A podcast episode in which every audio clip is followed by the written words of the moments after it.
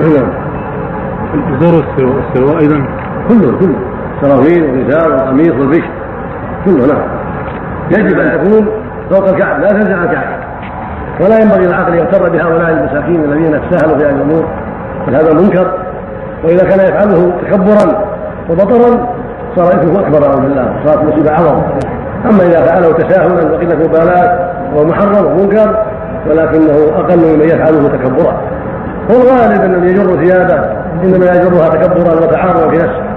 وفي الحديث الصحيح يقول صلى الله عليه وسلم بينما رجل من مر قبلنا يمشي في بردين يختاله بردين قد أدرت نفسه خسف الله به الأرض ويتجلى فيها يوم القيامة.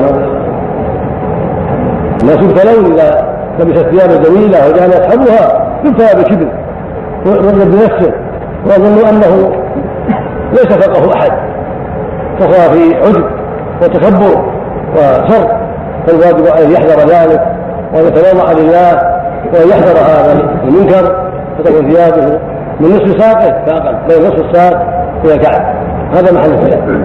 ما قول سماحتكم في فيما يقولونه بأن الرسول صلى الله عليه وسلم قال لأبي بكر عن طول ثوبه بأني يعني ثوبي